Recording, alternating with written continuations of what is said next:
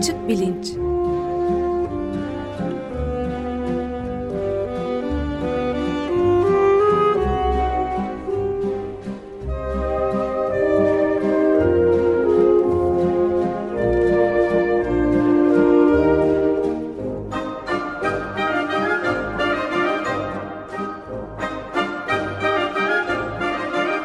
Güven Güzeldere ile bilim ve felsefe sohbetleri.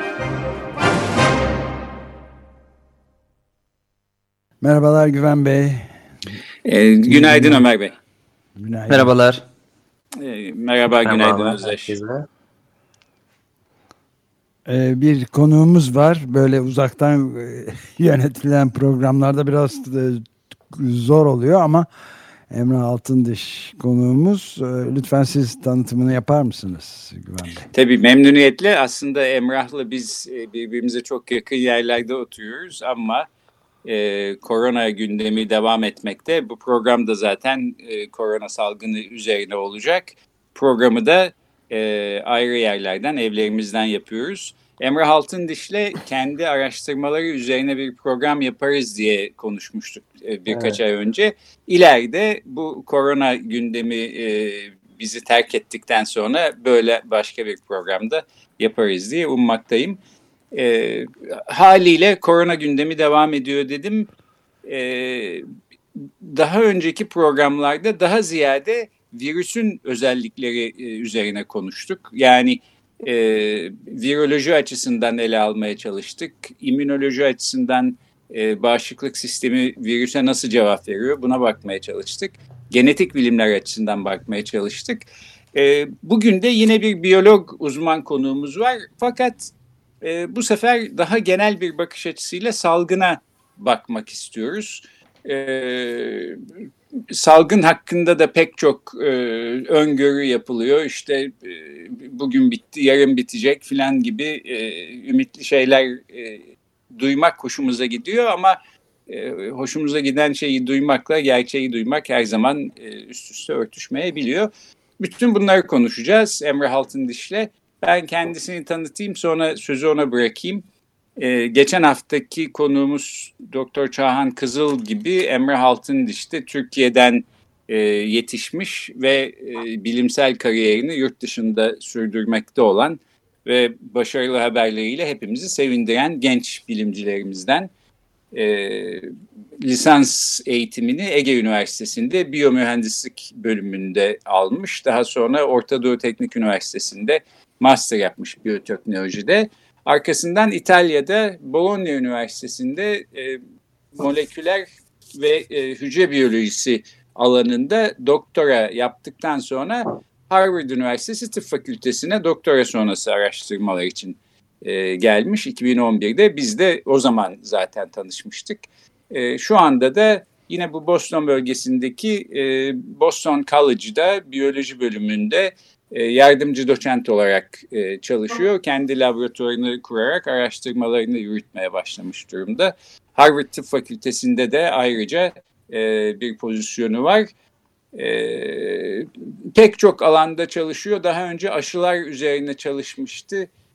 Mide mikrobiyomu üzerine ve insülinler üzerine yani şeker hastalığı üzerine araştırmaları var.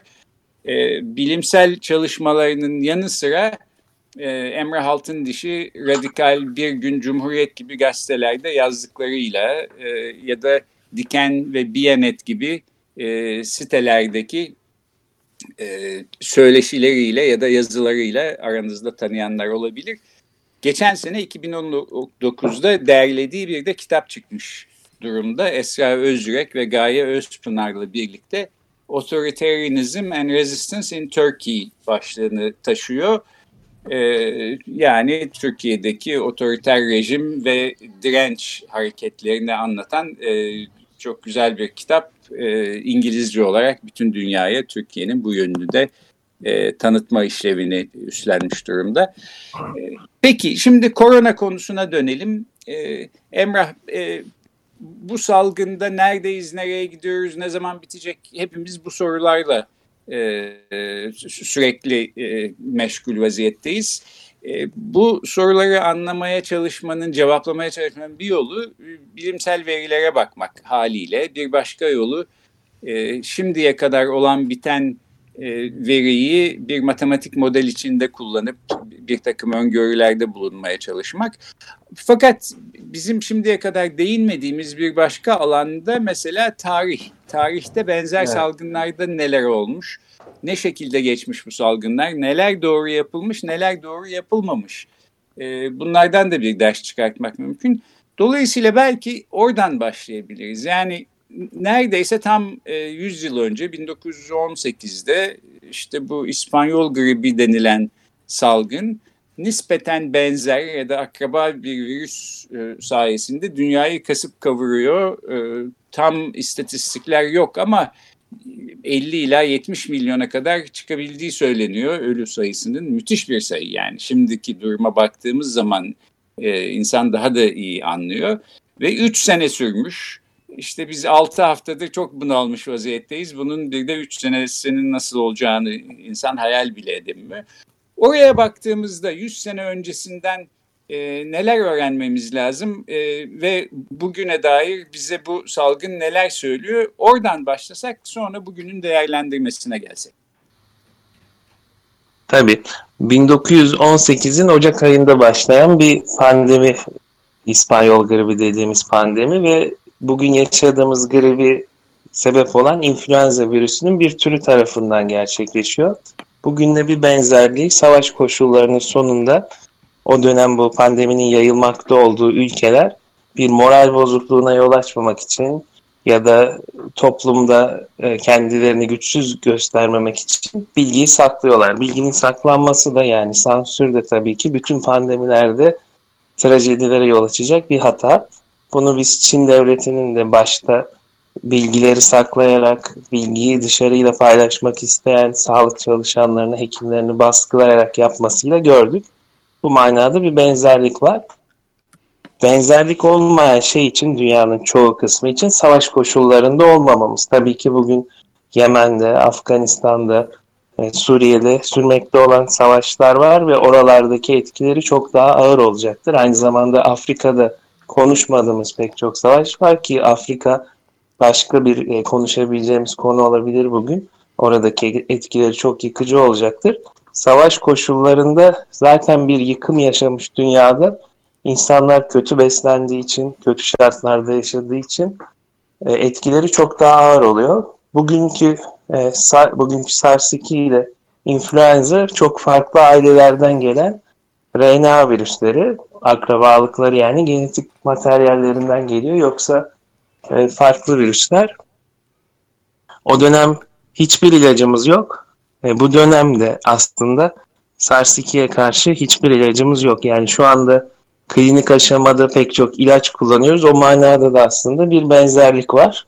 E, ilaçlarımız olmaması manasında da ve dünyada hızla yayılıp işte nereden yayıldığı konusunda da farklı fikirler var. Kimisi İspanya diyor, kimisi Amerika'da Kansas'tan yayıldığını söylüyor. Fakat 3 yıl boyunca dünyayı kasıp kavuran bir virüs. Bu 1918'den 1921 aralığına kadar süren bir virüs. Herhalde oradan öğreneceğimiz şey olabildiğince ve öğrendiğimizi sandığımız ama ya uygulamadığımız şey de bilgiyi sansürlememek, olabildiğince bu konuda açık olmak. Ama dünyadaki otoriteler açısından, yani bütün hükümetler açısından şu anda hazır olmadıkları aslında hazır olma sorumluluğu taşıdıkları bir kriz var. O kriz açısından da bilgileri tamamen ekonomik ve politik çıkarlarına göre toplumla paylaşıyorlar. Sanırım o manada da benzerlikler var.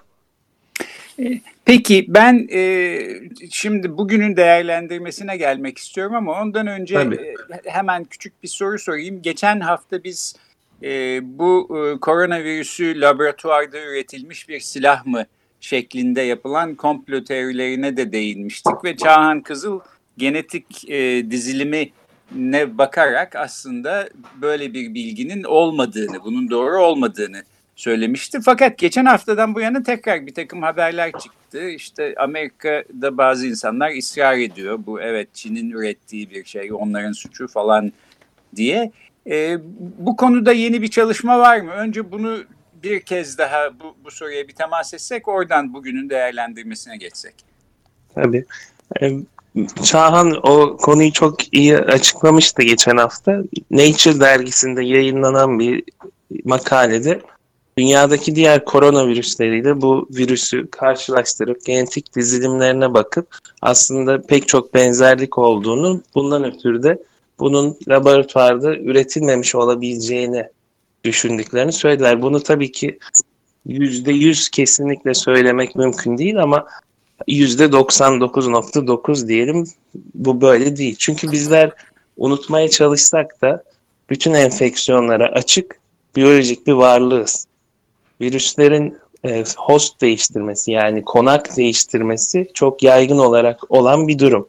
Ayrıyeten burada Ömer Bey'in de işte uzun süredir konuştuğu ekolojik yıkım devam ettiği sürece biz hayvanlarla kurduğumuz bu zalimane ilişkiyi sürdürdüğümüz sürece bu konak değişimi virüslerde olacaktır. Daha önce SARS sürüsünde, ondan önce MERS, daha sonrasında MERS'te gördüğümüz gibi muhtemelen bu virüste doğal doğal yani bu yıkımın sonucunda doğal şartlarda bize bir hayvandan geçmiş olan bir virüs. Şimdi ikinci kısmına gelelim. İşte bu virüs laboratuvarda mı üretildiğinin ikinci kısmını şöyle yanıtlayabiliriz. Özellikle Amerika'da e, belki iki farklı aşamada yanıtlayabiliriz. Özellikle Amerika'da şu anda bir suçlanacak scapegoat, bir suçlu aranıyor. Bu işte Dünya Sağlık Örgütü olabilir, Çin olabilir, şimdi bir laboratuvar olabilir. Fakat bunların politik bir işlevi var. Kafa bulandırmaca. Oysa ki bizim şu anda odaklanmamız gereken krizde nerede olduğumuz ve bu krizi ne şekilde değiştirebileceğimiz olmalı. Dolayısıyla öyle bir kafa bulandırma politikası, politikası izliyorlar. Öteki, öteki yan, öte yandan da bunu ispatlamamız bugün itibariyle mümkün değil ve bize de hiçbir faydası yok. Türkiye'de mesela e, Türklük geni konuşuldu, çay, çorba iyi geliyor, muhabbetleri yapıldı. Aslında bir yandan da bana onları hatırlatıyor bunlar. Fakat gelecekte zamanımız olduğunda bu araştırmalar daha yoğun yapılabilir ama şu an hiçbir faydası olmayan, kafa bulandıran şeyler olduğunu düşünüyorum. Bir de yeni çıkmış Nature makalesi varken bu ihtimalin çok düşük olduğunu düşünüyorum. E, ben de ufak bir soru ilave edebilir miyim araya girip? Emre Altındış bu 1918 e, İspanyol nezdesi ya da İspanyol gribi diye adlandırılan 3 senelik muazzam salgında büyük bir trajedide e, bugünün salgınıyla benzerlik olarak e, hiçbir ilaç görünürde olmadığını söylediniz. Yalnız bu konuda da bazı gene kafa karıştırıcı şeyler var. Özellikle e, böyle Fox News'dan ve Elon Musk gibi önde gelen endüstri liderlerinden destek alan e, Amerika Birleşik Devletleri e, Başkanı da hidroksiklorokin adlı hastalığın hiçbir ispat edilmiş şeyi olmadığını biliyorum yazılardan öğrendiğim kadarıyla ama onun mesela Trump'ın mucize ilacı olarak e, sunulduğunu e, biliyoruz. Üstelik bir de ilginç bir şey var. E, bu Mahmut Hamsici ile Neyran Elden'in BBC Türkçe'de 17 Nisan tarihinde çıkan bir e, ilginç röportajı vardı. Koronavirüsle savaşın ön cephesi Cerrahpaşa'da neler yaşanıyor diye. Orada da e, Cerrahpaşa Tıp Fakültesi Başhekim Yardımcısı Enfeksiyon Hastalıkları Uzmanı Doçent Doktor İlker İnanç Balkan da e, bu ilacın bu demin sözünü ettiğimiz ilacın kullanılmakta olduğunu e, söylemiş. Bu konuda ne ne diyebiliriz? Şimdi hidroksiklorik yani şu anda bizim elimizde tabii ki 1918'de bizle karşılaştırdığımıza göre pek çok deneyebileceğimiz diğer patojenlere karşı ilaçlarımız var. Yani bir herhangi bir patojenin bu virüs olabilir. Bu konuştuğumuz örnekte sıtma patojeninden bahsediyoruz. Hücreye girişini, hücre içindeki replikasyonunu, daha sonra da hücreden çıkışını sağlayan e, pathway'leri, yolakları durduran farklı ilaçlar var. Farklı patojenler için. Şu anda onlar deneniyor. Bu sıtmaya karşı kullanılan ilaç da Onlardan sadece bir tanesi. Marsilya'da Fransa'nın güneyinde yapılmış bir çalışma var e, COVID-19 hastalarıyla. Oradaki hekimler olumlu sonuçlar görüyorlar ve bunu hemen yayınlıyorlar. Bundan dolayı bir mucize ilaç gibi dünyaya sunuluyor. Bir umut tacirliği yapılıyor. Ama hemen sonrasında Paris'te bir grup kendi hastalarıyla aynı ilacı denediklerinde olumlu sonuçlar almıyorlar. Herhangi bir ilacın bu şekilde mucize ilaç olarak sunulabilmesi için çok e, sağlam planlanmış, kontrol grupları iyi düzenlenmiş klinik çalışmalara ihtiyacımız var. Şu anda bu umut tacirliği yapanlar ne kaybederiz ki diyorlar. Fakat bu işte Trump gibi bilim e, hekim olmayan insanlar tarafından önerilebilecek bir şey değil. Bu konunun uzmanları tarafından e, önerilmesi gereken çok e, iyi çalışılması gereken konular. Şu an itibariyle bizim elimizde e, COVID-19'a karşı çalıştığını bildiğimiz hiçbir ilaç yok. Denenen ise onlarca ilaç var. Evet yani bu e, BBC'nin sözünü ettiğim e, Cerrahpaşa röportajında da e, Doktor Balkan e, en başta tüm hastalara verdiğimiz ilaç hidroksiklorokin yani piyasadaki adıyla plakenil diyor. Bu ilaç virüsün hücre içinde çoğalmasını engelliyor. Ayrıca bir de bir başka ilaçtan daha bahsediyor. Faviripavir diye. ikinci evet. basamak diye bahsedilen. Bu da Çin. Çin'den gelen bir ilaçmış. Evet. Yani bunu klinik çalışmalarını umarım Türkiye'de yayınlar klinik muhtemelen belki de bir klinik çalışma yürütüyor. Aslında Türkiye'de yürüyen bir çalışma var şu an itibariyle. O nerede yürütülüyor bilmiyorum. Ama o çalışmanın sonuçlarını görmemiz lazım. Yani böyle gözlem üzerine, duyum, duyum üzerine yorum yapabilecek bir durumda değiliz. Bilimsel olması için bizim rakamlara ihtiyacımız var.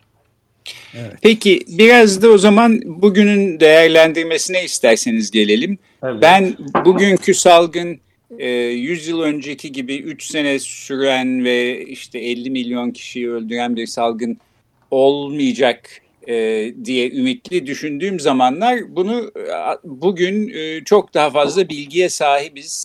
E, buna genel olarak dayandırıyorum. İşte genetik bilim 100 sene önce yoktu, ne yapılacağı bilinmiyordu filan falan.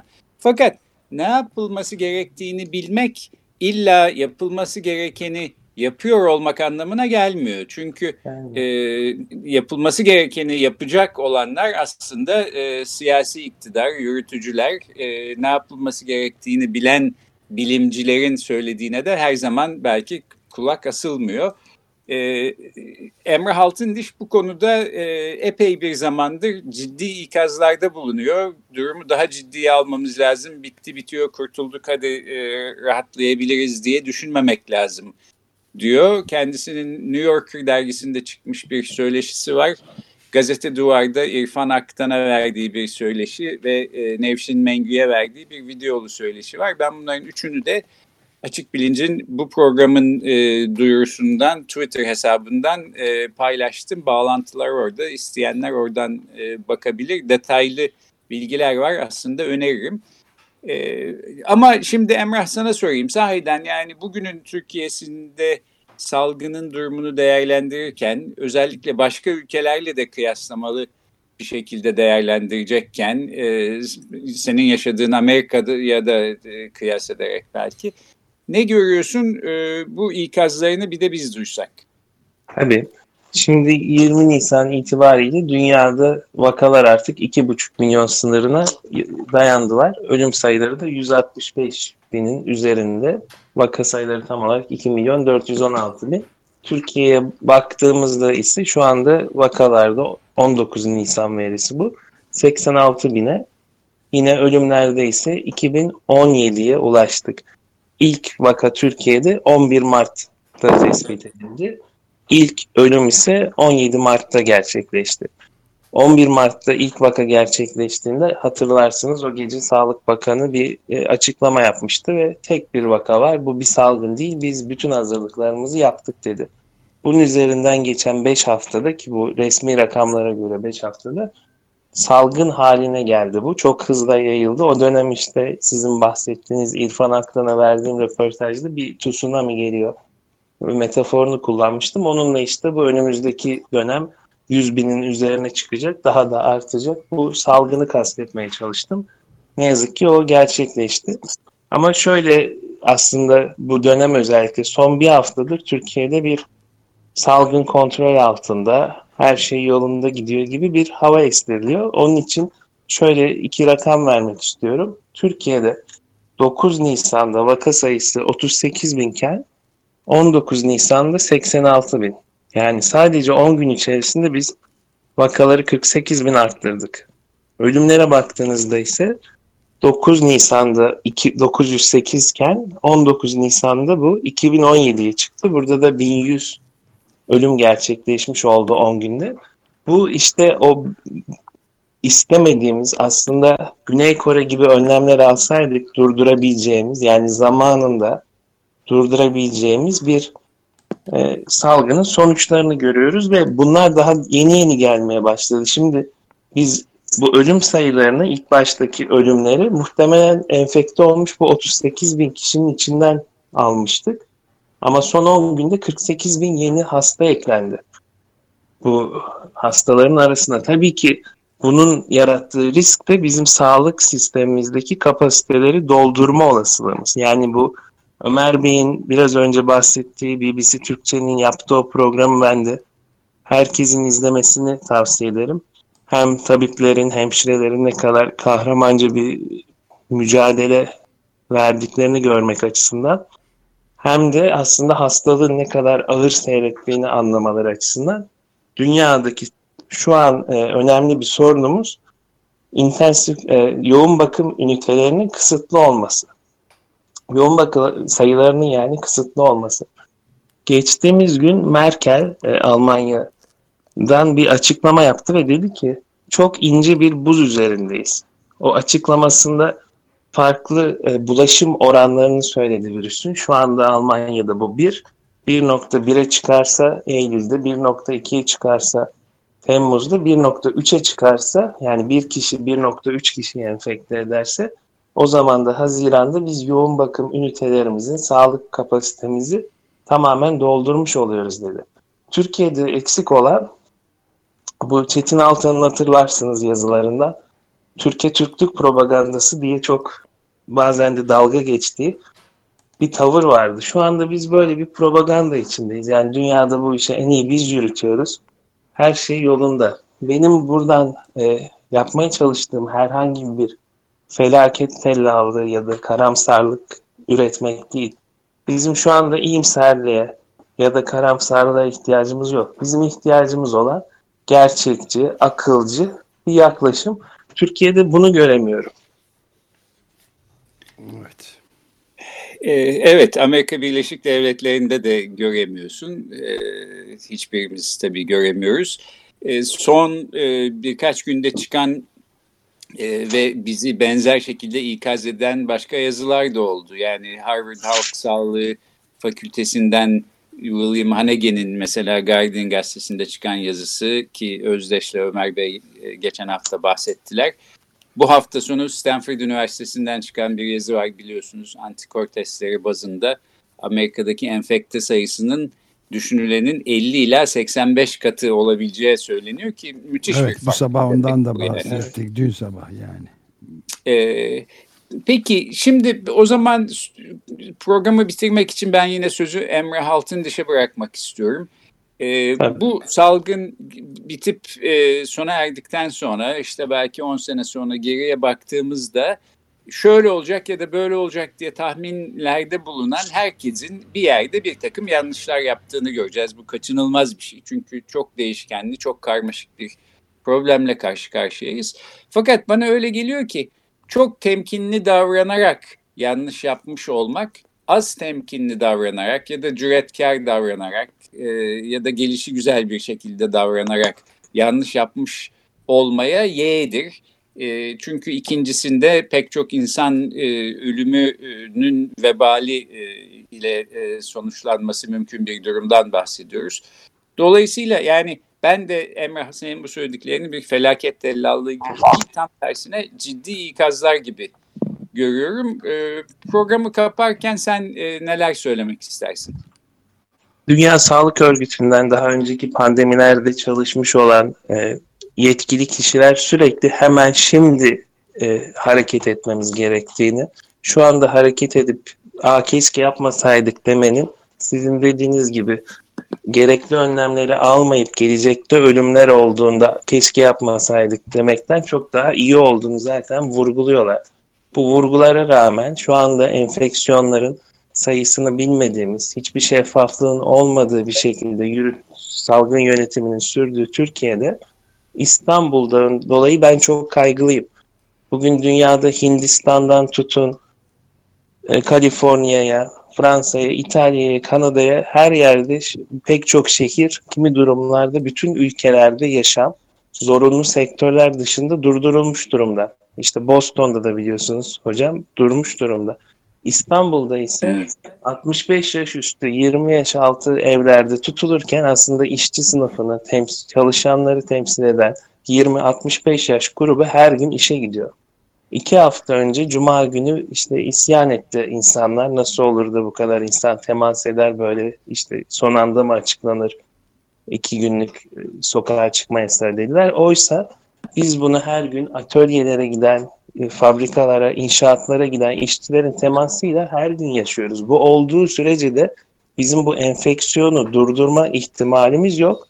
Bu da bana hep şunu hatırlatıyor. Acaba Türkiye'de söylemeden işte o yüzde 60 toplumun yüzde 60'ının enfekte olduğu bir sürü enfeksiyonun oluşması için mi uğraşılıyor diyoruz. Ama burada da şöyle bir soru, soru işareti var. Bilimsel bir soru işareti.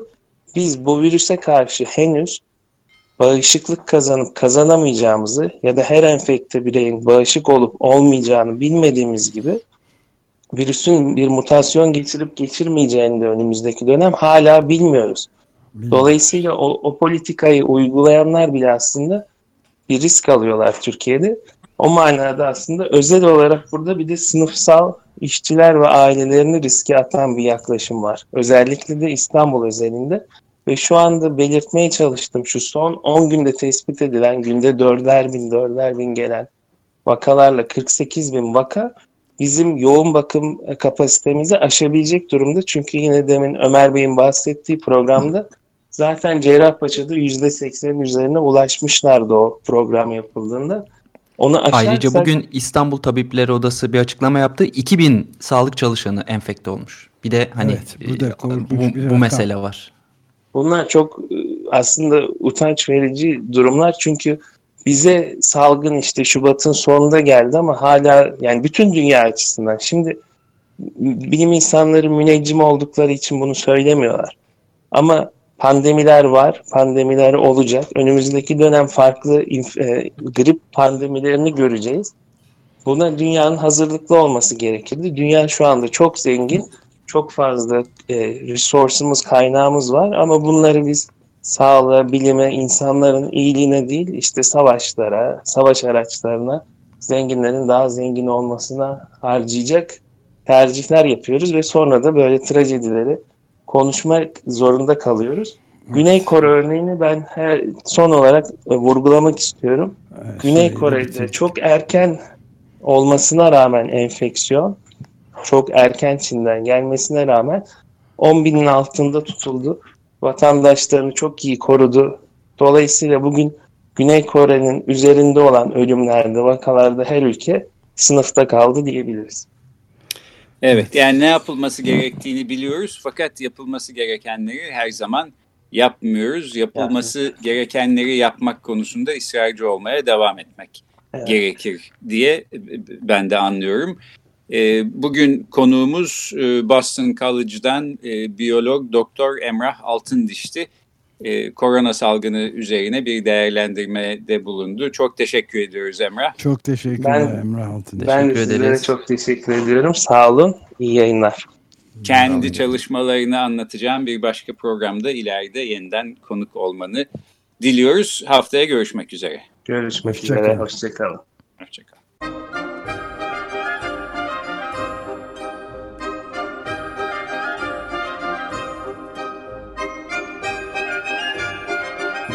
Açık bilinç.